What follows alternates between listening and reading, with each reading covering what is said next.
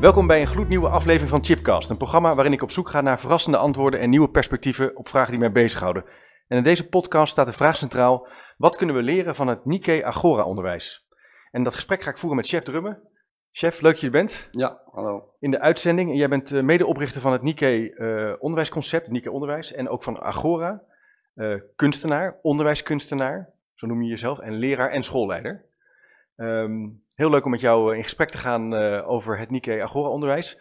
Volgens mij een paar dagen nadat je officieel met Ja. pensioen bent gegaan. Ja, nou, ja, de pensioen hebben mensen altijd verkeerde beelden van. Ik, eh, ik ben gestopt met eh, op de loonlijst van het bestuur te staan. Ah, kijk. Maar datgene wat ik doe voor, eh, voor onderwijs, dat is een, een kruistocht die, die, die eh, nog niet het eh, gewenste eindresultaat heeft behaald. Dus, je gaat dan door. mo- dus dan moeten we nog wel even strijden, denk Ja. ik, de komende jaren.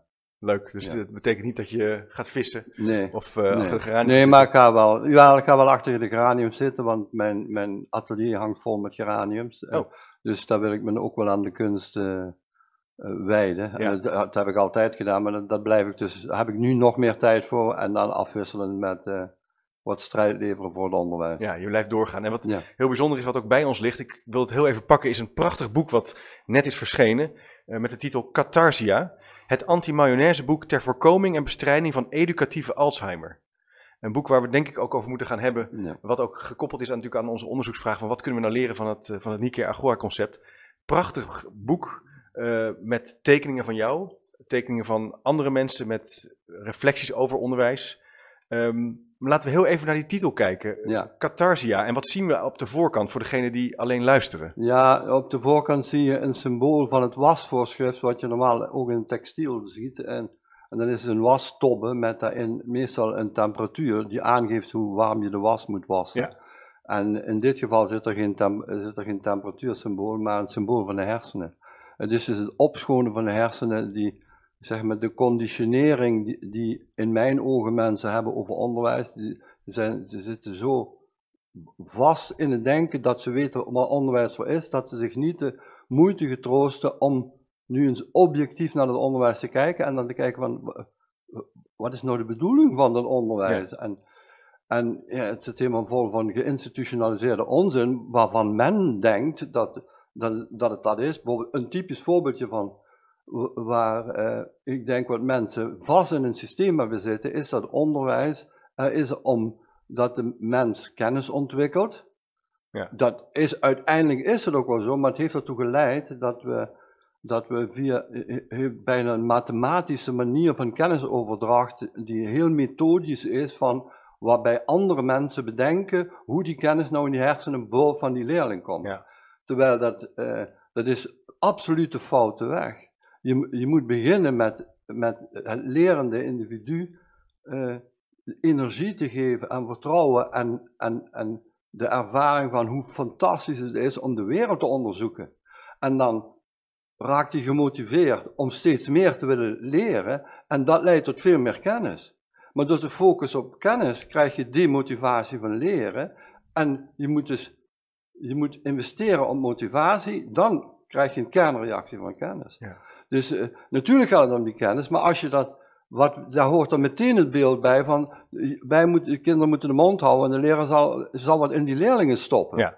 En dat, ja, dat, is, dat is per definitie de foute weg. En we weten ook vanuit de neurologie dat, dat elk, elke mens met zijn 86 miljard neuronen die we in de hersenen hebben, elk mens is uniek in de verbindingen die hij in die hersenen maakt, dus iedereen leert ook op een andere manier. Ja. En we hebben, omdat we ten eerste dat nog niet wisten, maar ook omdat we het niet konden organiseren, hebben we dat, ja, hebben we dat teruggebracht tot groepjes. We, we delen kinderen in, in, in groepen en we geven ze een stempel en we zeggen je bent gymnasium en je bent VMBO. En ja, dat is van een, dat is van een domheid, dat zou gewoon niemand doen. Terwijl als je, als je een groep hebt van VWO-kinderen, 30 stuks, die leren alle 30 op een andere manier. Ja. En waarom, waarom geef je dan niet dat maatwerk van dat leren op die andere manier? En dan zou je zeggen, ja, dat kunnen we niet organiseren. Maar met technologie kun je dat makkelijk organiseren. Dus maak een, maak per, we hebben nu in heel Nederland met verschillende scholen waar ze het Agora, con- eh, ja, dat is geen concept, maar de Agora zoektocht, laat ik het zo zeggen, Ja. wordt toegepast. Ja, laten we zeggen, er zijn nu 600 kinderen en we hebben dus 600 verschillende leerroutes. En die kunnen we ook nog op, op, op minuutniveau kunnen we leervorderingen van de kinderen monitoren via, via de techniek, via de technologie. Ja. Dus als je dat toch hebt, waarom gebruik je dat dan niet? Dat is hetzelfde als je tegen mensen zegt als ze in de auto zitten van nee, ik hoef geen tomtom, want ik heb een landkaart. Nou, wie heeft er nou nog een landkaart? Dus dat, het heeft even zijn tijd nodig. Als iedereen straks ziet dat, uh, dat leren absolute maatwerk uh, gaat zijn, dan, uh, dan gaat het vanzelf verschuiven. En dat maatwerk, maar, maar mensen weten niet eens dat het bestaat of hebben vanuit hun conditionering Precies, een aversie tegen Ja. de- dat anders denken, omdat ze eh, denken dat als het vanuit, vanuit vrijheid en autonomie van de lerende gaat, ja, dat kan nooit tot iets leiden. nee. Want eh, ja, die pubertjes die moet je toch zeker sturen, want anders dan, eh, dan zitten ze de hele dag te gamen, weet je, dat, maar, maar dat is flauw. Tegendeels waar zeg je. En dat is eigenlijk het beeld wat we eh, op de voorkant van het boek zien. En dat Ja. het punt van Qatar, Qatar, ja, wij zijn dus geconditioneerd Ja, om, een- om op een bepaalde manier over onderwijs te denken, wat ons eigenlijk belemmert om, het, om de goede en de juiste dingen te doen.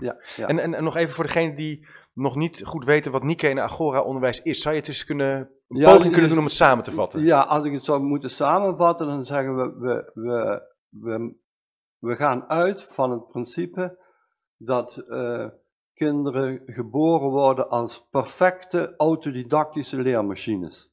Zo worden ze in de wereld gezet. En die leren de- autodidactisch, dus ze, leren, ze, zijn zelf, ze hebben een zelflerend vermogen. En dat leren wordt enorm versterkt door de sociale context waarin, die, waarin dat individu leeft. Dus heb je liefdevolle ouders of, eh, eh, en die praten met jou, dan leer je de taal. En, nou, eh, en dat is het, het- een biologisch principe van hoe de mens in elkaar zit. En die mens heeft een natuurlijk streven om ertoe te doen, goed te willen zijn, wat het goed dan ook is. Maar hij moet, ertoe, hij moet een voldoening hebben voor zijn leven. Mhm. Eh, dus hij, hij wil goed worden. En eh, de, de, de, de basis van dat zelflerend vermogen is de nieuwsgierigheid. Jan Brandsen die zegt dat heel mooi. Die zegt, eh, eh, nieuwsgierigheid is de cognitie van de wil. Dus je, je wilt iets en, en die cognitie, dat is het leervermogen. En die zegt van, hé, wat is dat? En, en dat is hoe kinderen leren. Ja. En dat is iets wat eigenlijk, ja, ik ben nu 66, maar ik leer op dezelfde, nog steeds op dezelfde manier. Ja. Dus, en dat is wat je misschien ook wel de homo ludens noemt, het speelse mens, die Ja. zelf keuzes maakt in zijn leren. En wat we dus bij Agra doen, dat is tegen die kinderen, dat moet eerst, overigens als ze van de basisschool komen, moet dat via een detoxificatieprogramma van ontgiften en onmayonaise, want die kinderen zijn al geconditioneerd. Ja, is het van zo de- erg? ja, want de, als we in de lagere school komen, dan denken kinderen, ja, de, de meester gaat vertellen wat ik moet doen. Dat, dat is, dat is de, de, de basishouding. Ja. En eh, ik moet mijn mond houden en luisteren wat de meester zegt, en dan ga ik dat doen. En, en eh, ik zeg wel eens heel bout tegen leerlingen, ik zeg, denk eraan, Agro is geen school. We leren jou helemaal niks. Jij gaat leren. Het zijn jouw hersenen die zich moeten ontwikkelen. En dat kun jij. Dus je moet de kinderen eerst helemaal terugbrengen in de stand dat ze het vertrouwen hebben dat ze het überhaupt kunnen. En dan vanuit hun autonomie, vanuit hun eigen leervragen, eh, ontwikkelen ze, ontwikkelen ze een metacognitie van leren. En dat is wat we die kinderen leren. Dat Ja. ze snappen hoe, hoe verlopen die leerprocessen. En dat doen we de eerste drie jaar, zeg maar. En na die drie jaar, dan heeft die leerling wel in de gaten hoe dat leren moet. Hij heeft ook al een hele hoop geleerd. Maar altijd vanuit zijn eigen autonomie. En dan gaat hij heel bewust keuzes maken vanuit de maatschappelijke context die bijvoorbeeld zegt dat je je moet kwalificeren als je naar de universiteit moet. Dan moet je een VWO-diploma hebben. Ja. En, dan, dan, dan, eh, en dat, is, dat is dan die laatste fase. En dan maken kinderen vanuit hun motivatie dan de keuze om te zeggen van, ja, maar dan ga ik dit pakket kiezen, want, dan ga ik, want ik wil naar de TU, dus dan moet ik het beter pakket hebben. Dus dat nieuwsgierigheid en het punt van wat, wat je eigenlijk wil, staat aan de basis van hoe je uiteindelijk gaat, eh, je vervolg ja. gaat, en uiteindelijk ook tot een examen eh, zal komen of niet. En eh, welke route, welke ja, leerweg kijk, en in een bestaande model is het zo dat, dat, dat, dat hoor je heel vaak, ik hoorde dat laatst zelfs een professor vertellen, die zei van, ja, maar leren hoeft toch niet altijd leuk te zijn? Zo in, Ja. Nou, bij echt mensen die ingedroogde mayonaise in hersenen hebben, die eh, super geconditioneerd zijn, die denken als iets leuk is, dan zal het wel geen leren zijn. Die, die, die gaan zo ver dat leren moet een soort martelgang zijn. Ja.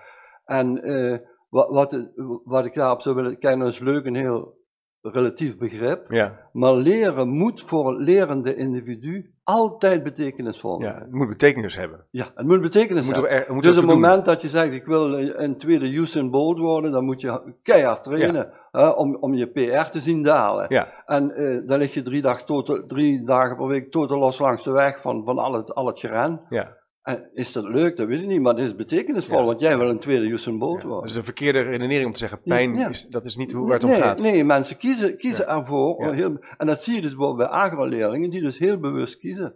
Typisch voorbeeld, een meisje wat 14 jaar, die gaat eh, vanuit dat, die werk, kinderwerkers van eigen leervragen met challenges. Dat meisje had al challenge dat ze mogelijkerwijs eh, culturele antropologie wilde gaan studeren. En toen zei ze, maar dat weet ik niet zeker. Toen ging ze alleen, een meisje van 14 jaar, alleen eh, vier weken naar Nepal. Twee weken georganiseerd met iets van een reisorganisatie en twee weken gewoon Ja. te bonnen voor jezelf. En dan kwam ze, kwam ze terug en zeg je, ja, ik ga culturele antropologie studeren.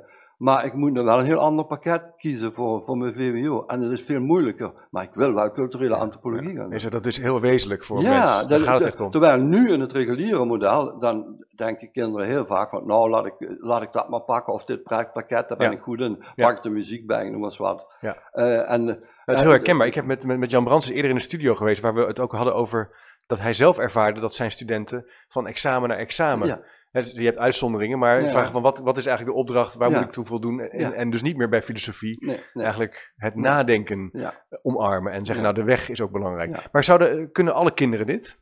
Eh, jij? Nou, Hoe kijk, want, de- ernaar? want de basis, de basis van, van dat leren, het uitgangspunt, is dat wij zoeken naar het maatwerk voor het lerende individu. En dat maatwerk is iets wat eigenlijk op dagniveau wat je moet monitoren of het maatwerk nog werkt. Want, want bij wijze van spreken, wanneer je, ik neem maar een simpel voorbeeld, als je een meisje van 12 jaar hebt, waarvan de lievelingspoes vanmorgen onder de auto is gekomen, zou het kunnen zijn dat je 14 dagen of drie weken eh, het recept moet veranderen. Ja. En dat, dat, maar, maar dat, dat, hoort zo. Ja. Maar bij kinderen gebeurt dat niet. Nee. Dan, hebben, dan staat er proefwerk gepland. Ja, we hebben proefwerken. We kunnen ons niet bezighouden met een poes onder de auto te komen. Maar voor dat kind is dat essentieel.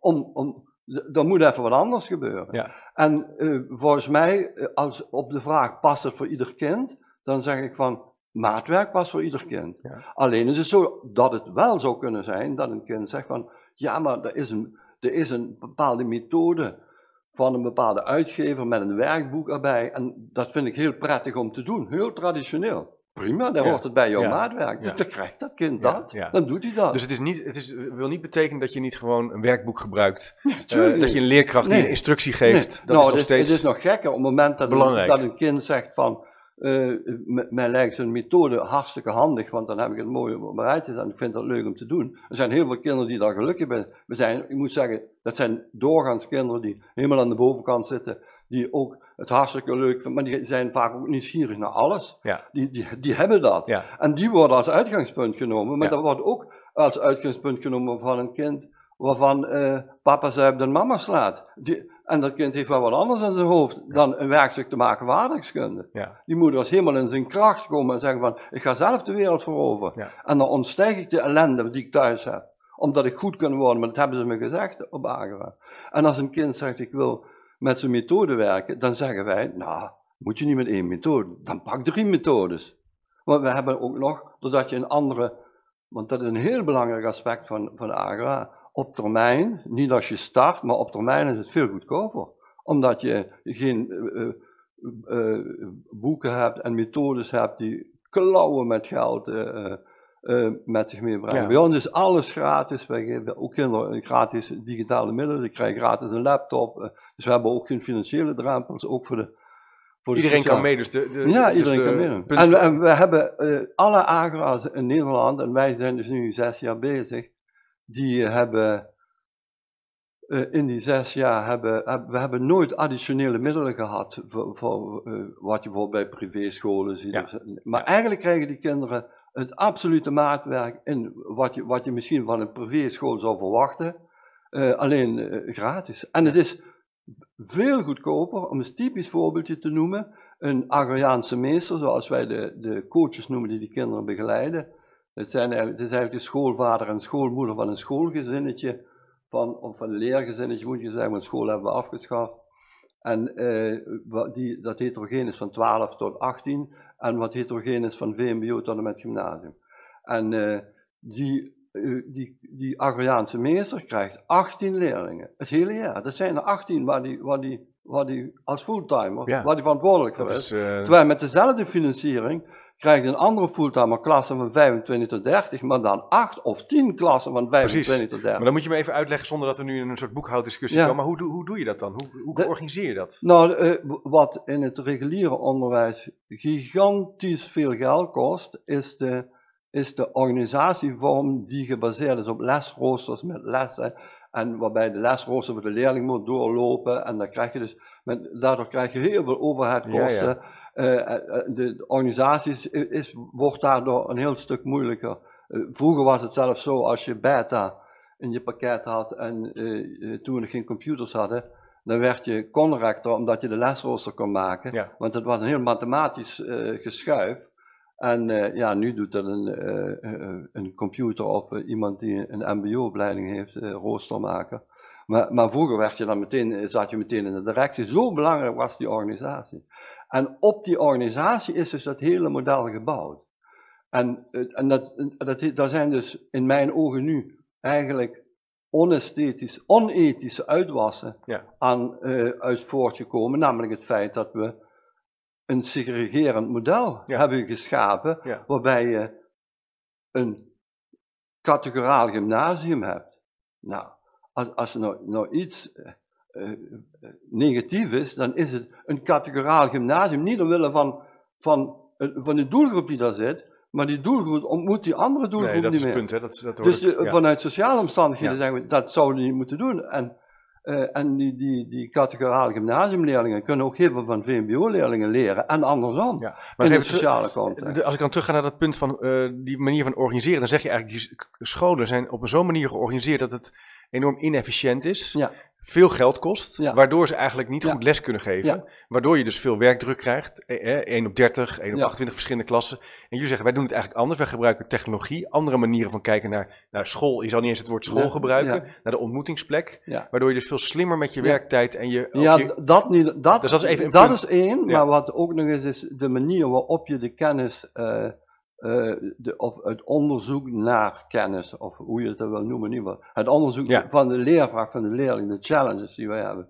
De, daar gaan de kinderen ook uh, op zoek naar waar ze die, waar ze die kennis kunnen halen. Ja. Dus uh, op het moment dat je iets wil weten over, ik noem maar eens iets over de, de chemische huishouding van het water, de pH-waarde van aquariumvissen. Ja. Dan ben je en met biologie en je bent met scheikunde en met natuurkunde bezig. Nou, dat, dat kun je op heel veel plekken doen, maar dat kun je bijvoorbeeld ook in, in een aquarium in, in, in de dierentuin doen, of je gaat bij, bij een dierenhandel, of je gaat bij iemand die een prijs heeft gewonnen omdat hij uh, het ja. beste aquariaan van, Nederland is. Daar, ga je, naartoe. Dus daar ga je naartoe. Ja, ja, en dus uh, eh, 30% van, van, van de tijd zijn die leerlingen helemaal niet meer in een, wat je een schoolgebouw noemt, maar ze zijn het leren daar waar, waar hun leervraag antwoord heeft. Dat kan een garage zijn. Of ze pakken de bus, ze gaan op de fiets. Ja. Eh, mag ik even wat over vragen? Er zijn scholen die dan zeggen, ja, maar hoe doe ik dat nou met verzekeringen, met risico, met afspraken?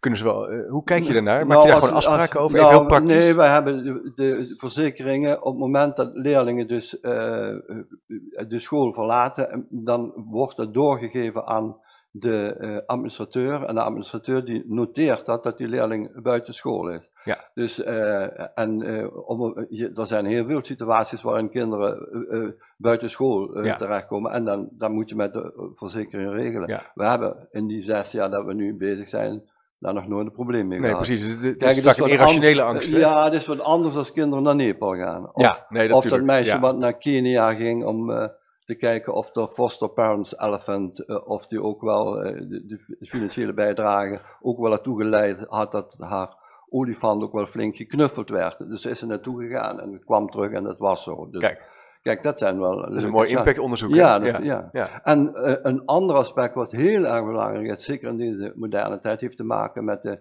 met de sociale media en de context en, en leren in netwerken. Onze ouders die eh, moeten twee dagdelen per jaar actief een bijdrage leveren aan Agora. Dat betekent doorgaans dat we zeggen van organiseer een masterclass.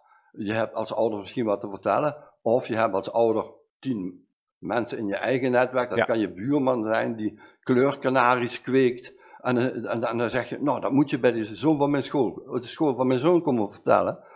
En zo hebben wij het vorig jaar 428 masterclasses aangeboden. Dus als je 600 ouders hebt, hè, van 300 kinderen, en die hebben allemaal 10 kennissen, dan heb je al een netwerk van 6000 mensen, waar je gratis, helemaal Ja. gratis Ja. toegang toe hebt. Ja. En die mensen zijn ook nog vanuit de sociale context, vinden het fantastisch interessant om een bijdrage te leveren. Dus die grenzen van die school ver- vervagen ook. En ouders spelen, eh, tuurlijk. spelen een hele actieve rol.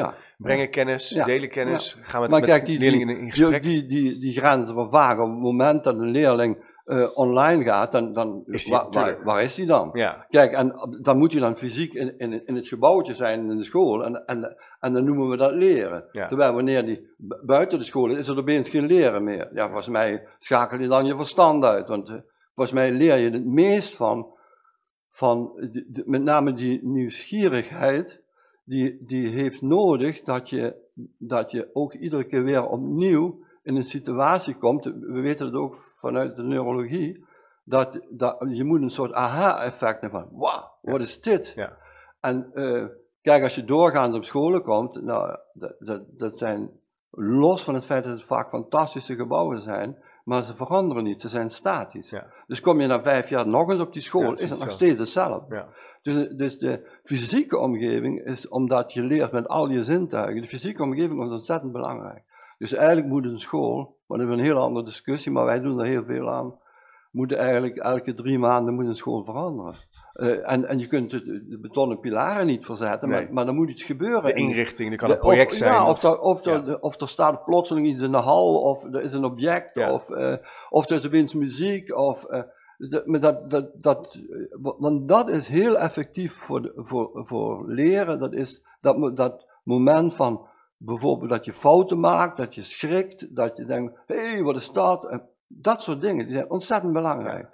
En, en typisch is, als je gemiddeld genomen aan een leerling op de middelbare school eh, vraagt van, eh, typeer school nou eens met één woord, dan zeggen ze saai. Ja. Maar hoe kan nou je persoonlijke ontwikkeling, die ertoe leidt dat jij als mens de wereld gaat veroveren, ertoe leiden dat je zegt dat dat saai is, dan klopt het systeem Treurige, niet. treurige constatering. Ja, ja, ja, ja. En je merkt ook wel, eh, als je, je komt op, soms kom ik op scholen waarvan je voelt, daar gebeurt het. Hè? Daar Ja. voelt het, Ja. daar zijn dingen, Ja. ook al is het een vast gebouw. Ja, wat er is iets van dynamiek. er is iets van dynamiek en er zijn ouders die komen of er zijn presentaties. En soms voel je van, oeh, hier gebeurt wat minder. Ja. Denk je ook dat dat, dat dat effect heeft op hoe kinderen met elkaar omgaan? Het- als het gaat over pesten, over een veilige Ja, le- nou, leven- en wat- leeromgeving? Wat, eh, eh, is typisch dat je dat nu zegt, want eh, wat absoluut, kijk, kinderen die, eh, ik- zeg niet dat, dat op Ageren niet gepest wordt, maar niet in de zin van, ehm, eh, zoals pesten, zoals je dat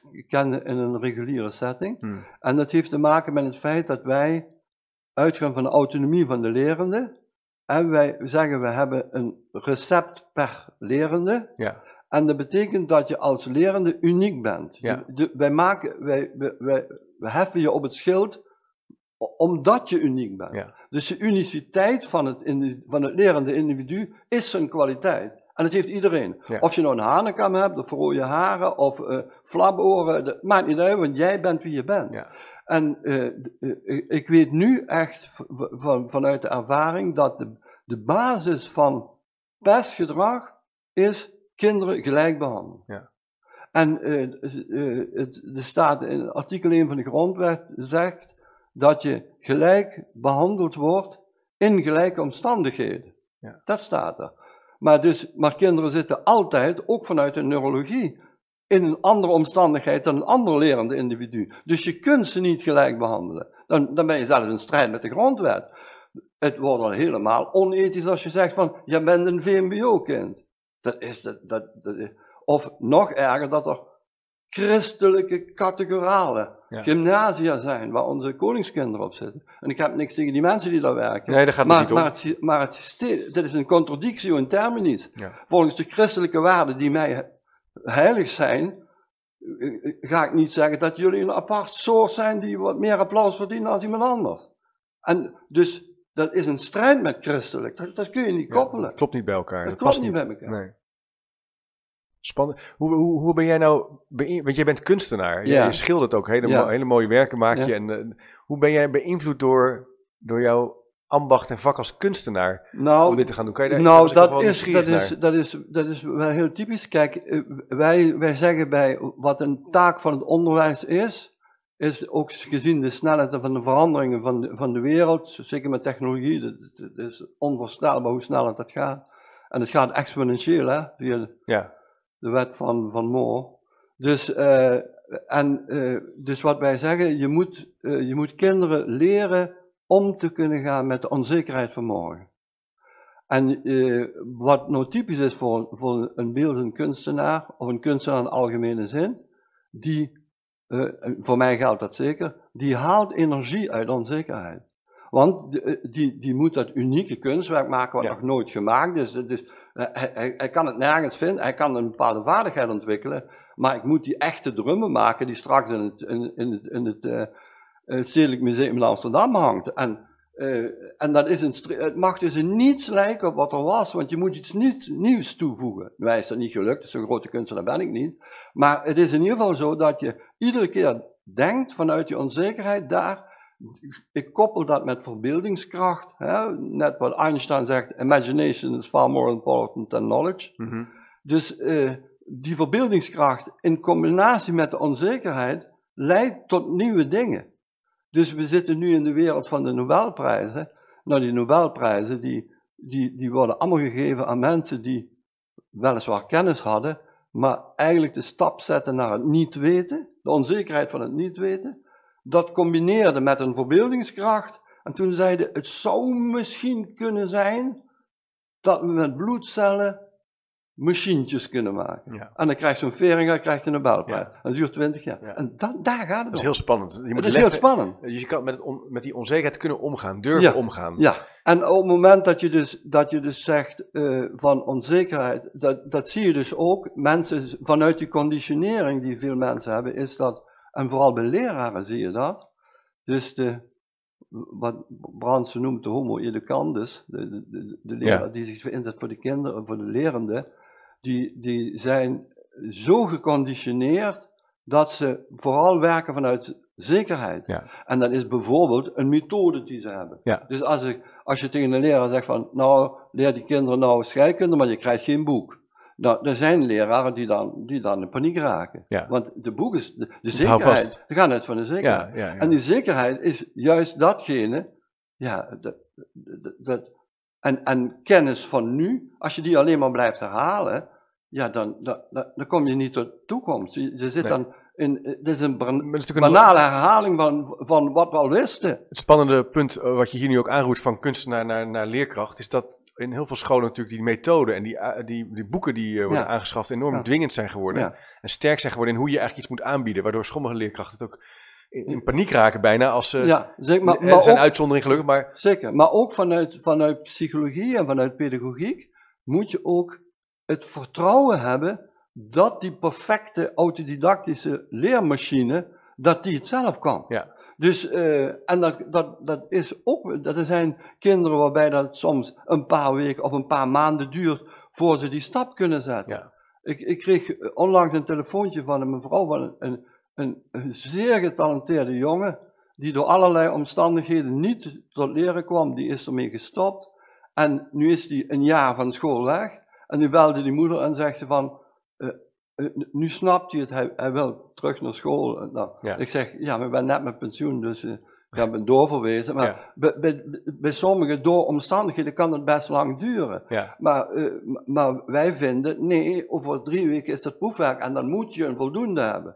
En als je geen voldoende hebt, voldoe je niet aan de eis die wij stellen en dan moet je maar een, een treetje lager. En dan worden dus, ja, dan worden heel veel kinderen worden dommer als ze naar school gaan. Ja. En ik vind het een beetje raar. Want Het is een daar vreemde het redenering. instituut toch zeker niet voor bedoeld. Nee, je, je- het punt wat je ook wel hierbij aanhoudt, is dat geloof in dat dat kind het, het- die kennis in huis heeft en, dat, en, Ja. en richting kan geven Ja. aan zijn leerper. Wat doe je nou? Dat moet je wel dus echt, daar moet je wel op kunnen terugvallen en kunnen vertrouwen. Je voelt soms ook wel dat. Kan je, zijn er ook mensen die dat niet hebben? Die, Ja, eh, Ja, er zijn mensen die dat niet hebben, maar als iemand dat niet heeft, dan heeft hij dus in zijn ontwikkeling een verstoring meegemaakt. Ja, ja. Dan zit er meestal een Ja. psychologisch probleem achter. Hè? Dus als een kind, ik noemde, ik noemde net het voorbeeld, eh, papa zuipt en slaat mama elke dag. Ja. Je? Zoiets. Eh, eh, Als, dus op, ik, ik, ik heb, heb in ieder geval de laatste 30 jaar gemerkt dat wanneer er een, een, een kind niet sociaal wenselijk functioneert, ja, dat kan van alles zijn, dat kan grof taalgebruik zijn of Ja. anders. En, ja, niet of luisteren. wanneer die niet tot.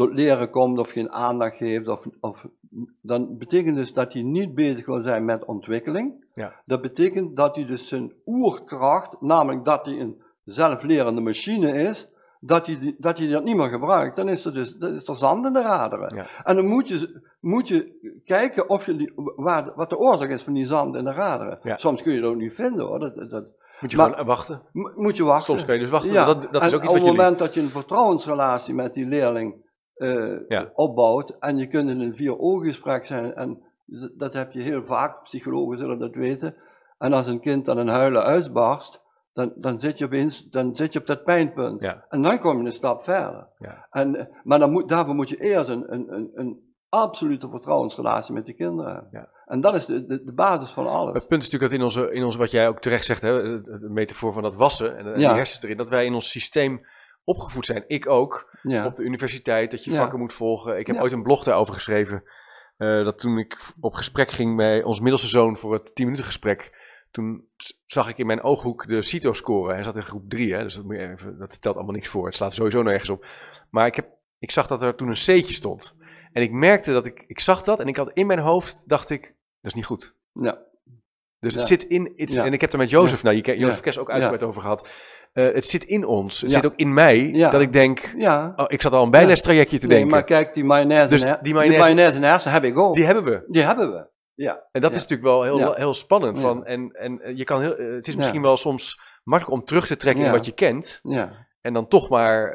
nee, maar kijk, wat, wat heel typisch was, de, de correspondent, die heeft, Rutger Brachtman, die heeft een artikel geschreven over mij en, eh, en over de school. En, eh, en die, die, die, die noemde dat mayonaise in de hersenen. Dat ik zei, leraar hebben mayonaise Ja, de hersenen. ja. En, en dat werd door heel veel leraren opgenomen als een soort belediging. Maar het, het, het, is, het, is, het is helemaal geen- iedereen heeft mayonaise. we hebben dat. Het, het- we, hebben dat gewoon. En we moeten, wa- wat, wat een, een, een bijkomend eh, eh, probleem is, is dat vanuit de verlichting, dat zeg maar de reden, dat kennis de mens verheft, enzovoort, enzovoort, dat is allemaal zo. En dat heeft ook ons heel veel goed gebracht. Maar dat heeft er ook toe geleid dat we dus een, op, op overwaardering van, van cognitie of Ja. van theoretische kennis hebben gecreëerd, waardoor we zeggen van, dan ben je slim en dan kun je naar de universiteit, terwijl eh, de, de vaardigheden die mensen hebben, die, die, die, die, zijn net, er is dus geen verschil, net wat Brandse ook zegt, tussen kennen en kunnen. Eh, Dus, dus we moeten ook af van het denken dat, dat de kwaliteit van eh, het, het, het maken van iets, dat dat minder is dan nee, maar dat is zeker de- zo, ja. Terwijl als je hebt over, als je de, de, de, leer, eh, de leertechnieken of de, van, Marzano bekijkt, het, Ja. het allerhoogste wat je wat kunt bereiken is creëren. ja. En dat kan alles zijn, dat kan ook zijn dat je iets bouwt. Maar hier speelt natuurlijk een discussie eh, die ik ooit, toen ik begon met mijn eh, onderzoek aan de Universiteit Twente, heb ik een studiereis in Amerika gedaan. Toen kwam ik ook Don Cohen en Lawrence Pruzak tegen, twee Amerikaanse wetenschappers over kennis delen. En die hadden toen al, toen, dat is nu 13 jaar geleden, over hiërarchie van kennis. Dus het feit dat natuurkunde op een universiteit hoger en hoger aanzien ja. staat dan bijvoorbeeld geschiedenis. En Ja. later ook, ik heb het ook in mijn eigen familiesysteem gezien. Eh, mijn vader is wetenschapper, eh, exact, natuurkundige, scheikundige. Eh, die, die, daar voel je dat ook in terug. en wij kunnen het daar heel leuk over hebben. Maar je ziet wel dat geschiedenis anders wordt aanschouwd. al- Of iets kunnen, maar met je handen niet hoor, maar wel geschiedenis. Of zelfs op biologie begint het Ja, over te komen. ja. In, in relatie tot natuurkunde, Ja, wiskunde, de taal van de wereld. ja, ja. En dat stuurt natuurlijk enorm hoe we ook kijken vervolgens naar Ja. vakkenpakket kiezen. nou, et ja, cetera, zeker. Want Dus kijk, in- ja. vakken zouden we sowieso moeten afschaffen. En zoiets als kernvakken, dat is nu Nederlands, eh, Engels en wiskunde in Nederland. Totale flauwekul. Kijk, eh, eh, in mijn ogen, als er al kernvakken bestaan, is het filosofie en kunst. Filosofie, omdat je dan bezig bent met zingeving, Ja. van wa- wa- waartoe ben ik op, Ja. op aarde en Ja. wat, wat ga ik ervan maken. Nou, dat staat volgens mij hoger dan- dan wiskunde. En, eh, en kunst is belangrijk omdat de, de, de, de basis van de ontwikkeling van de mens is die nieuwsgierigheid, dat is die cognitie van de wil. En die cognitie heeft als brandstof de verbeeldingskracht. Ja. En de verbeeldingskracht in combinatie met de nieuwsgierigheid leidt tot ontwikkeling. Ja. En daarom is dus, als er al kernvakken zijn, is dat filosofie en kunst. Want kunst draagt bij tot verbeelding. Ja. En, eh, maar, maar daar hoort ook lezen bij. En Ja. kunst is een heel, ik, ik heb een heel ruim begrip, maar dat je niet, en, en kunst houdt zich bezig met onzekerheid. Ja. Zoekt in het Ja, onzeker. wat jij natuurlijk net zei, onze- Ja. kunnen Ja. omgaan met onzekerheid. Ja, ja. En wat natuurlijk ook duidelijk wordt bij, bij kunstenaars. Ik heb eerder een eh, schilder hier geïnterviewd, Bartel Brusset. Die heeft de tekeningen voor dat filosofieboek van ons gemaakt. Ja. Die wolf die hierachter ziet bij Ja. jou. eh. Die zei van ja, voor kunst, als je kunstenaar bent, heb je heel veel kennis nodig. Ja, je moet weten hoe zeker. licht invalt, hoe licht Zeker, breekt. hoe- zeker, zeker. Nou, hij heeft er heel uitgebreid over gesproken. Het is niet zo dat je zomaar Nee, nieuwe dingen bedenkt. nee, Dus, nee. ehm, eh, nog even, waar ik nog wel benieuwd was, eh, in relatie tot bijvoorbeeld kunnen rekenen of Ja. eh, kunnen schrijven. Ja. Hoe kijk jij naar bepaal- bepaalde culturele aangele- aangeleerde vaardigheden, zoals schrijven en rekenen? Ja, kijk, dat- het, kijk, ik vind dat je. Eh, professor Lombaert, die een, een- onlangs las ik dat, van Brussel is die. eh, die, die zei dat, de, dat je kinderen vanaf de kleuterleeftijd, zeg maar, hij, ze- hij gebruikt niet het woord agra, maar zo'n Agrariaanse benadering moet geven, dat, ze dus, dat je ze zelf moet laten leren, dat Ja. ze zelf keuzes maken. En, eh, en, en dat is dus iets wat, wat, wat, kijk, als een kind met vier jaar wordt voorgelezen door papa en mama, en dat gebeurt al twee of drie jaar, dan komt hij op een bepaald moment, kom, komt dat kind ook geholpen door de ouders, want je leert altijd in een sociale context, ertoe dat het wel verrekte interessant zou zijn als ze het boekje nou zelf zou Ja. kunnen lezen. ja, En, dan, en, en die hele boekenkast wat er staat, dat die, die, Ja, dat die, die en, en dat is de manier waarop je kinderen eh, moet brengen tot lezen. En dan moet je kijken wanneer dat, dat punt ontstaat. Ja. Eh, eh, ik heb ooit een lezing op Rolduke in Kerkrade van, van iemand gehoord, de naam is me van Schoten. En die zei als kinderen, als je kinderen leert lezen met zeven jaar, dan kunnen ze binnen drie maanden allemaal perfect leren lezen ja. omdat ze neurologisch dan allemaal in staat zijn om, zeg maar, die, die, die abstractie van de fonogrammen die Ja, in beeldjes zijn, daardoor krijg je dyslectische kind, al dat soort toestanden. Nee, we beginnen in groep drie, dan zijn de kinderen vier, moeten ze allemaal lezen. Dat is, is, dat, is dus geen maatwerk, dat zit dan in het systeem. Met als gevolg dat er sommigen, die zijn er nog niet aan toe, zijn hele slimme kinderen, want alle kinderen worden hoogbegaafd geboren, behalve wanneer ze een hersenafwijking hebben, maar normale kinderen zijn hoogbegaafd. Perfecte leermachines. En dan door het systeem hoort dat kind erbij zeggen, ik kan niet lezen en hij kan het wel. Ja. En dan, ja, en dan heb je de luizenmoeder eh, op, de, op, de, op het speelplaats staan die zegt, ja, die van mij kan al lezen. Ja. Weet je? En, Ja. Dus waarbij jij denkt, oeh, die van mij nog En dan niet, krijg je dus zal al wel dom zijn. Dat punt van dat verschil en kijken naar elkaar. Ja, en dan wordt er steeds meer door, je wordt steeds meer bevestigd door allerlei soorten omstandigheden en toetjes en testjes en Hoe het zit. eh, hoe het zit. En er wordt steeds meer bevestigd in het feit dat je, ja, toch tot de dommere categorie behoort. ja. Terwijl het helemaal niet zo is. Nee. En dat, dat, dat vind ik echt oprecht, echt immoreel. Dat we zo'n systeem, vroeger hadden we niks anders. En het heeft ons ook, eh, de afgelopen 150 jaar heeft die verlichting, eh, of de 200 jaar na Ja. de verlichting, dat heeft ons heel veel goeds gebracht. Ja, En die boeken die er geschreven zijn, hebben ons heel veel goed. Maar nu zitten we in een, in een wereld, Jan uh, Rondman zei, we leven niet in een wereld van verandering, maar in een verandering van wereld. Ja. We- totaal we andere manier van kijken. Ja, Ja. Over dat lezen, wat ik wel, onze kinderen zitten op een Montessori school. En wat ik daar wel heel leuk vind, dat doet me even denken aan dat idee van Maria Montessori, die Ja. ook eigenlijk zegt van je moet kijken naar Ja. het moment dat een kind, en daar, daar wordt bijvoorbeeld bij ons in de, in de kleuterklas, zit Willemijn, onze jongste, dan zie je ook, dan mag je, nou ja, je hebt allerlei, er is aanbod hè. Kinderen mogen zelf een werkje kiezen, er is begeleiding. Maar je ziet ook, het ene kind pakt soms sneller een boekje, of gaat al wel schilderen en letters nadoen. En de, de kunst is eigenlijk als leerkracht daar ruimte voor te hebben. Ja. En wat mij heel erg triggert in ons gesprek is dat als je dus in een systeem zit, in zo'n ouderwets systeem, met roosters en planningen, dan Ja. is er ook geen tijd meer voor die leerkracht. nee, Dus het, nee. het fijne aan jullie onderwijssysteem is dat jullie tijd hebben om dan een gesprek te voeren. Ja, en, Maar die eh, leerkracht zal dus, oh, sorry, maar ik was wel benieuwd, die leerkracht heeft dus echt wel expertise nodig. ja, En je bent een absoluut. coach, maar je kan niet, je moet wel, je, moet- je kan niet zomaar kennisloos eh, een gesprekje gaan voeren. Nee, maar wat wel heel typisch is, is ten, eh, ja, dat was ook op de correspondent laatst over het feit over diploma's. Dat, Ja. die, dat die niks zeggen, alleen maar eh, in welke salarisschaal dat je later terechtkomt. Voor de rest eh, wordt van je verwacht dat je, ja, je, je, je kunt met de bedrijfseconomie, kun je, eh, kun je een, een podcast gaan maken over onderwijs. En denk nee, hoe komt dat? Het heeft te maken met, met het feit dat een bepaalde fase alleen nog maar belangrijk is wat je denkniveau is. En, Ja.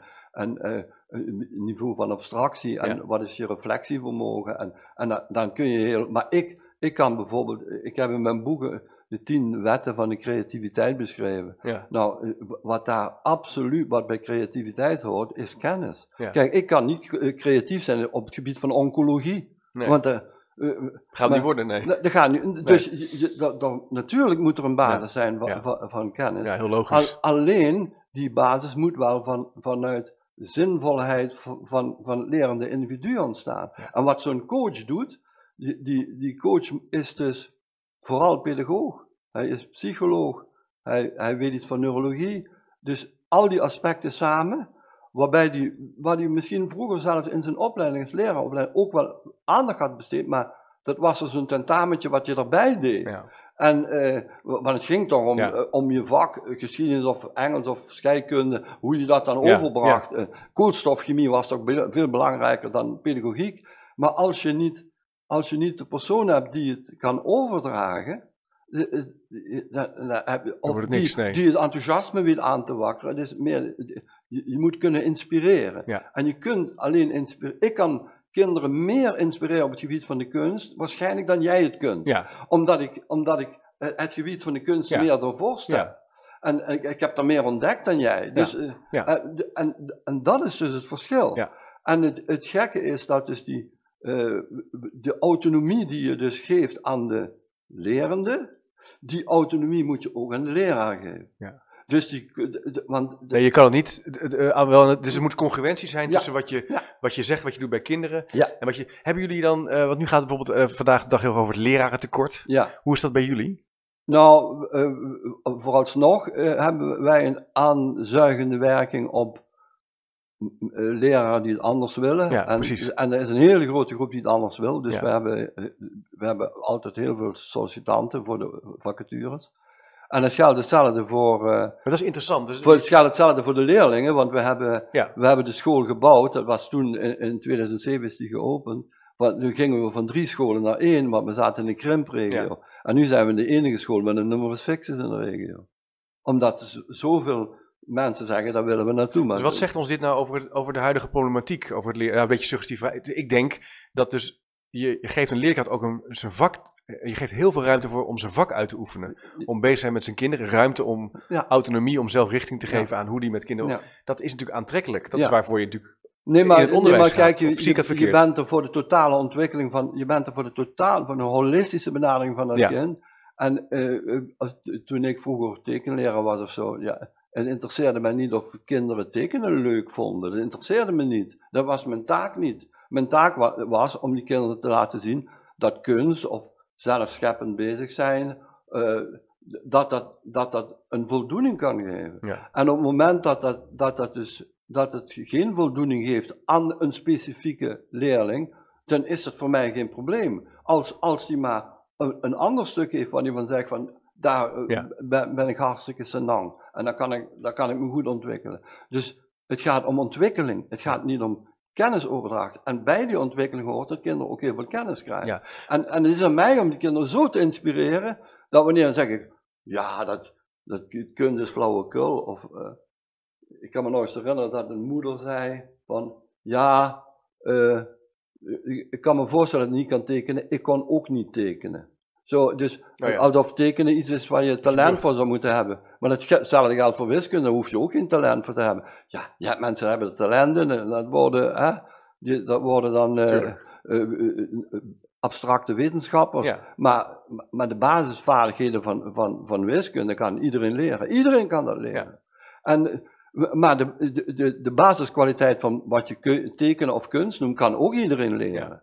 En, eh, maar, maar, maar het hoeft niet. Nee. Eh, en dus je moet veel meer die, die- En op het moment dat jij enthousiast genoeg bent en inspirerend genoeg bent, dan. eh, ja, dat is net wat Socrates zegt, je moet het vuur ontsteken Ja.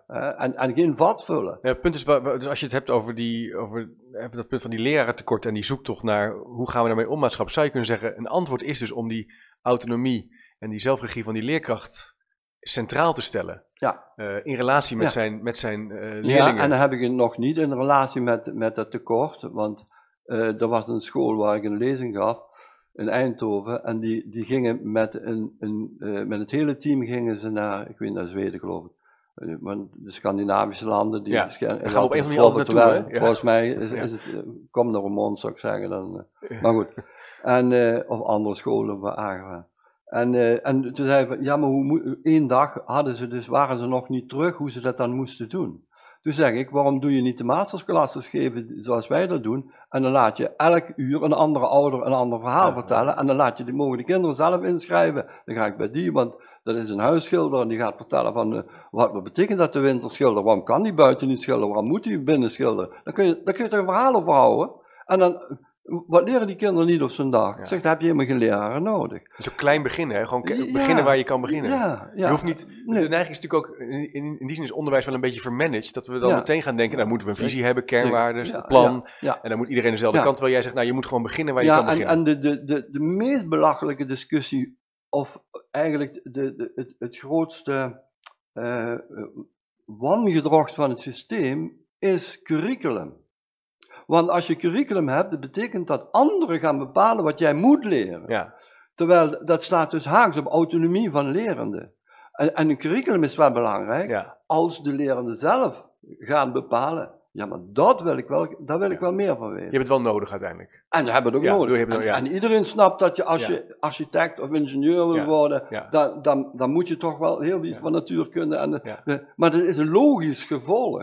Dus je moet veel meer uitgaan van een curriculum wat de autonoom lerende op het moment dat hij de stap zet, wat Bista zegt naar de derde component kwalificatie, die, die kwalificatie, die moeten wij niet zeggen. Je, je, iedereen die in het leven staat, een kind van 5, 6 jaar, kun je heel simpel uitleggen dat het vanuit de sociale context helemaal niet zo gek is als je zou kunnen lezen. Nee. En in een sociale context is het ook helemaal niet gek als je zou kunnen rekenen. En het is ook niet gek dat je de tafeltjes automatiseert. Dat, dat kan ook. Maar de weg er naartoe moet een weg zijn waarbij je steeds meer vanuit ja. autonomie. Ja. En die, zo'n jong kind heeft dat overzicht nog niet. Dus die moet je, moet je op een speelse manier daarin sturen. vraagt een andere maar, leerkracht. maar niet dat het bedreiging wordt en niet dat het zegt van, oh, dan ben ik te dom. Nee, dat is niet echt, die tafeltjes, daar, daar, Komt is daar komt het volgend jaar bij jou, maar dat maakt niet uit. Ja. Maar het is wel belangrijk dat je dat doet, want dat is wel, en de vraag is hoe belangrijk dat dat is, als je ziet wat je met technologie, hoe snel dat, dat gaat. Ik, ik heb nu Planset, ik heb een grote tuin, Ja, en dan kan ik dus elke plant determineren. Vroeger had je een, een flora, moest je die opzoeken. Nou, laat een fotootje en ik krijg meteen alle gegevens over die plant. Ja. En dat, dat, dat staat nog maar aan het begin. Ja. Dan gaat het, dus waar het uitkomt, nou, maar, maar ja, dat is een die spannende onzekerheid vraag. wordt steeds belangrijker. Onzeker, ja, precies, precies, ja. Goh, spannend zeg, zo'n redenering. Ja. En, ehm, en, die, en eh, hoe ver, hoe ver, dus jij durft ook wel ver te gaan naar de basisschool, in de zin Ja. van dat die motivatie, die autonomie eigenlijk heel belangrijk is.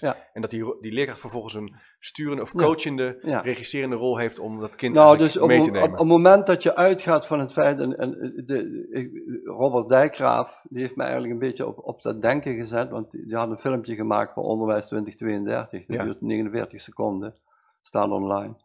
En eh, daar zegt hij dus ook dat, dat kinderen moeten zelf hun weg afleggen naar ontwikkelen, dat moeten ze zelf doen. Dus dat, dat autodidactisch eh, van kinderen, en het gekke is, ze worden autodidactisch geboren, ik zie het nu aan mijn kleinkinderen, die, die, eh, ja, die, die, als een kind leert lopen, rond 14 maanden, daar is onderzoek naar gedaan, dan is dat kind 1700 keer gevallen. Ja. En toch heeft hij zo'n drang ja. dat hij dat zelf wil leren. zit er Ja, en dan in. gaat hij, En, en dan, gaat hij, dan is hij vier, dan gaat hij naar, naar de school, naar groep 1. En dan van 4 tot 24 zit hij in de gevangenis, waarbij die, waarbij die voor hem gedacht wordt, alles voor hem gepland wordt. Uh, tentamens, toetsen, alles. Uh, er is een curriculum die zegt dat moet je leren. Hij heeft, hij heeft niks meer te vertellen. Hij zit als het ware in een soort educatieve gevangenis. Ja. En dan is hij 25, dan heeft hij zijn master. Dan, moet, dan leeft hij nog 100 jaar. En dan zeggen ze, en nu moet je het zelf doen. Dus wat ik vind is dat je die autodidactische kwaliteit, die in die sociale context is natuurlijk erg belangrijk functioneert, dat je die sterker maakt Ja. in de periode die daarna komt. Je ziet ook heel vaak dat mensen van een 25 tot 35 krijgen, dan, dan krijg je, ze- dat zijn dus, is de stressperiode van je leven. Je, je gaat een relatie beginnen, je gaat kinderen, je koopt een huis, je, je moet een baan krijgen. En je ziet heel veel, eh, één op de drie relaties lopen op de klippen. Je hebt namelijk niet geleerd om het zelf te doen. Alles werd voor, er werd voor je gedacht. Ja, ja. En Ja. dat is een, eh, eh, ja, da- da- daar zou filosofisch nog eens over gebakkeleid moeten worden. Maar wat dat betekent voor onze maatschappij, dat we dus de oerkracht van mensen in een schoolsysteem juist aan kinderen ontnemen. Ja. En dat, dat, dat is het, het tweede immorele van het model. Ja. Nog even, ehm, dat is een heel interessante redenering zo, eh, op basis van Catharsia en, Ja. eh, en eh, Agora en Nike. Maar Misschien nog, er zijn natuurlijk, het is ook, er zijn ook wel kri- kritische mensen op dit onderwijsconcept. Ja, en er zijn die zeggen, ja, het belang van kennis Ja, en kunnen kinderen dat zelf... Waar ik nog wel mee, niet, ik wil ze niet allemaal voorbij laten komen. Eentje Nee. waar ik wel, die ik zelf wel ingewikkeld vind, Ja, is dat Robert Dijkgraaf bijvoorbeeld zo'n filmpje zegt van, nou, dus kinderen moeten het zelf ontdekken. ja, Op zich een, een sterke redenering. ja, Het zijn alleen wel mensen die dat zeggen, die die kennis al hebben. Dus ze weten het al, ze zijn al, ze hebben goed inkomen, zijn Ja. heel slim. Ja. Ze zitten, Ja. eh, nou, en dan zeggen ze dat. Ehm, op plekken waar het moeilijker is, hè, in Den Haag of in, de, in de steden waar grote uitdagingen zijn. Hoe, hoe zie je dat dan? Want daar is het nou, ook kijk, fijn als wat, kinderen wat, je, de- wat je dus goede bij doet bij het zoeken naar het maatwerk van het lerende individu. Dus, eh, Ziet een coach, laten we, laten we een gemiddeld VMBO-jongetje nemen die uit een vogelarwijk komt of zo. Ja, ja. Dat, dat jongetje eh, eh, eh, is 12 jaar als hij bij ons op school komt, dus die, die, weet al dat hij tot de domste categorie behoort. Want dat hebben ze hem al, al acht jaar lang hebben ze hem dan op verstand gebracht. Nou, dus wa- wat je daarmee moet doen, wil dat kind komen tot, tot kwaliteit van leren, is die moet zijn autonomie terugkrijgen. Dus hij moet vertrouwen hebben in zijn eigen kwaliteit. Ja. En dat moet je dus doen door, in dit geval, stapje voor stapje, dat kind aan de hand te nemen en hem succeservaringen geven. En dat kan zijn, dat, laat ik het op mijn eigen vakgebied, op de kunst, en Ja. dan zeg je van, wat vind je leuk? En dan zegt hij, ja, ik vind alleen Max Verstappen leuk, voor de rest vindt hij niks. Ja. Nou, nou, en als we dan nou eens een groot schilderij gaan maken van een, van een, eh, van een Red Bull eh, raceauto, ja, maar dat kan ik niet. Ja. Ja, maar daar wil ik je wel bij helpen. En als je dan bijvoorbeeld met behulp van technologie, je kunt, eh, je kunt het ook nog projecteren op een doek, eh, we zo- zoeken een leuk plaatje uit Ja. online. Ja. eh, nou, en, en dan, dan krijg je een soort eh, schilder van Ravensburg met nummertjes of zo. Ja. Maar het eindresultaat is wel van, dat, wow, ik wist Dat heb niet ik dat gemaakt. dat, dat heb ik gemaakt. Dat, is, dat is een heel simpel voorbeeld. Dat geldt dus voor alles. Je moet dus, en, zeg, maar nou moet je, een, en dan als die leerling zijn vertrouwen in, in- hij moet eerst vertrouwen in jou hebben, en dan ontwikkelt hij zelfvertrouwen. Want zonder zelfvertrouwen bereikt hij sowieso niks. Dus je moet hem, je moet hem zelfvertrouwen geven, en je moet hem vertrouwen geven. En dan zegt hij van, ja, dat is het volgende stapje. En dan kun je op een paar moment komen en zeggen van, ja, ik kan je dat nou wel zeggen hoe je dat moet doen, hè, maar het, is, het, het, het zou getuigen van echte kwaliteit als je dat zelf kunt. Ja. Dus op het moment dat een leerling iets schrijft en het klopt taalkundig niet, en je zegt van, ja, het is hartstikke leuk wat je opschrijft, is wel jammer, want hier staan een paar foutjes, hier wordt, dat moet met dt, en daar hebben we een trucje voor, dat, dat, noemen we het kofschip. Het zou handig zijn als je dat zou kunnen. Want dat, dan denken Je mensen, moet heel oh, klein beginnen. ja, wat ben jij slim. Ja. Ja, oh, die- eh, ja meneer, dan leer me dat kofschip. Nee, dat ga ik niet doen. Dat ga jij mij de volgende week vertellen. Oh, ja, maar waar vind ik dat? Ja, dan moet je, ga het eens zoeken. En als je het niet vindt, is het ook niet erg. Dan, dan, Daar hebben we het alweer over. Dan hebben we het Ja, erover. ja, mooi. Maar als die leerling jou de volgende week kan uitleggen hoe het kofschip werkt, hoef je het hem nooit meer te leren. Nee, En dan heb je het zelf geleerd. Ja. En het kofschip kun je, dat kun je gewoon online vinden. ja, tuurlijk. Dus, is te googlen. Ja. ja, ja, Dus zoek die kennis, Ja. maak hem nieuwsgierig, ja, ja. werk met kleine en, en- stappen. En, en, laat je nou niet wijsmaken dat jij dat niet kunt. Nee. Want je, jij, jij kunt dat wel. Ja. En, en, dan, en van een komt dan het ander, plus dat leerlingen dan ook, ze groeien in hun kracht, die, dat zelfvertrouwen is. Zelf, en daar ontstaat ook, kijk, in het reguliere onderwijs heb je zoiets van wat we discipline noemen. Dat is wat structuur. Eh, en leer, Ja. Nou, discipline, is, discipline leidt tot repressie. Dus eh, discipline is waardeloos.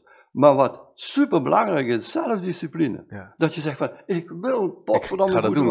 Elke Ik, dag. ik ga het doen.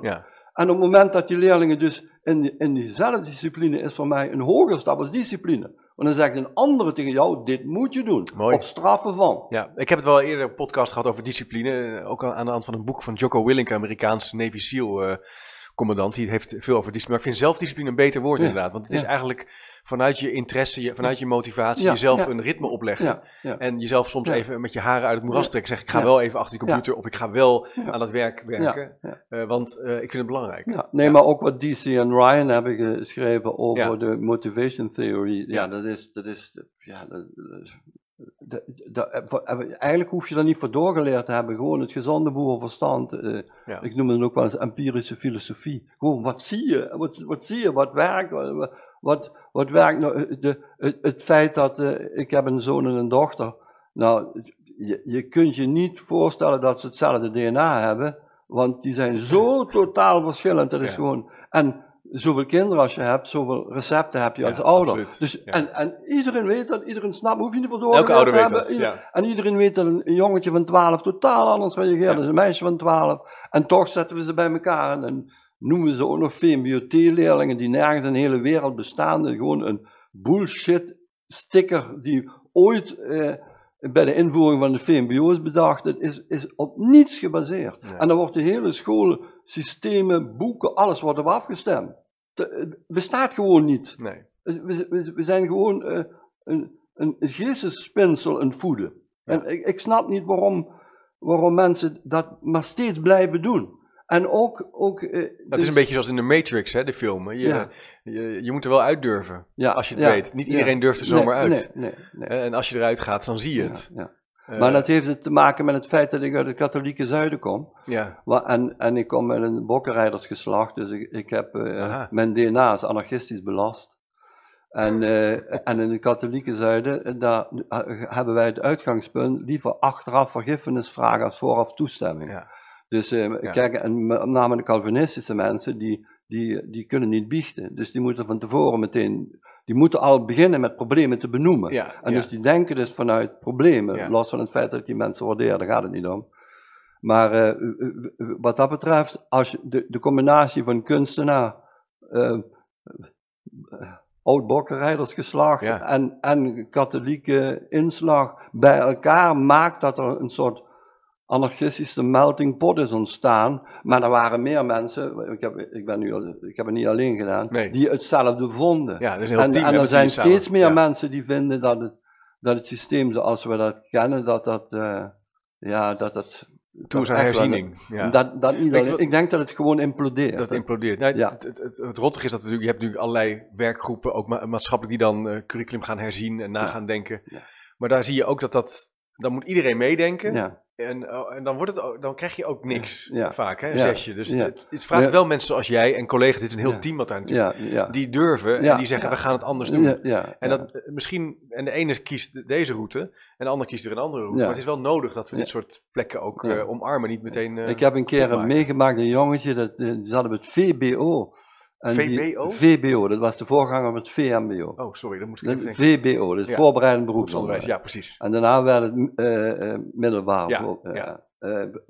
ja, middelbaar beroepsonderwijs. kwam die M ertussen. En er was een jongetje die was gezakt voor de LDS op het, op het gebied van ware kennis, op twee tiende punt. Daar was hij op gezakt. En toen moest hij ja overdoen, en, en, maar het jaar daarna moest hij VMBO-examen doen, en er bestond geen ware kennis meer, want dat was geschrapt. Het, het feit dat het curriculum zei, Ja, je moet het doen. ja, het is dezelfde discussie eh, als, ik, als ik onze minister hoor, minister Slop, wat ik een heel integer mens vind hoor, Eh, absoluut een leuke kerel. Maar als je hem hoort v- vertellen over de examenfraudes, en dan heeft hij het over schoolexamens. En zegt ja, en die kinderen hebben dat niet geleerd, want eh, ze hebben de toetsen niet gemaakt voor de schoolexamens, terwijl die schoolexamens maakt de leraar zelf. Dus als een leraar in, in het PTA schrijft van het schoolexamen, dat hij elke week het huiswerkschrift uh, bekijkt en daar een cijfer voor geeft, moet hij dus 40 cijfers geven of 38 van die 38 mm. weken. Nou, in de praktijk komt dat er niet van. Met als gevolg dat er dan hiaten staan. En dan zegt hij, ja, die kinderen hebben het niet geleerd, maar dat is helemaal niet zo. Dus de, de, de, zo zie je dat zo'n bestuurder vaak niet eens weet wat dat in de praktijk betekent. Als je, als je een PTA uh, hebt wat zegt, ik geef zes toetsen over verschillende periodes, dat kun je net zo goed zetten. Maar je kunt ook zeggen, die toetsen zijn mondeling. Ja. Eén op één. Ja. ik, ik, heb gewoon een gesprek met die kinderen. Je kunt het kun je zelf bepalen. Ja. Dus de... Maar dan komen we ook weer terug op dat systeem wat zo is ingericht, waardoor die bestuurder op een bepaalde manier kijkt naar zijn en niet meer zicht heeft op die school. En, nou, en zo kunnen nou, hele En er zijn heel veel leerkrachten die denken, als ik veel toets, dan uh, uh, zijn die kinderen uh, gedwongen om dingen te doen. Maar dat werkt juist averechts. Ja. Dat moet, moet, je juist niet doen. Ja. ja. En dan heb ik het nog niet over het feit dat we het er eigenlijk over eens zijn over een hele groep mensen die echt meer verstand hebben van leren dan ik.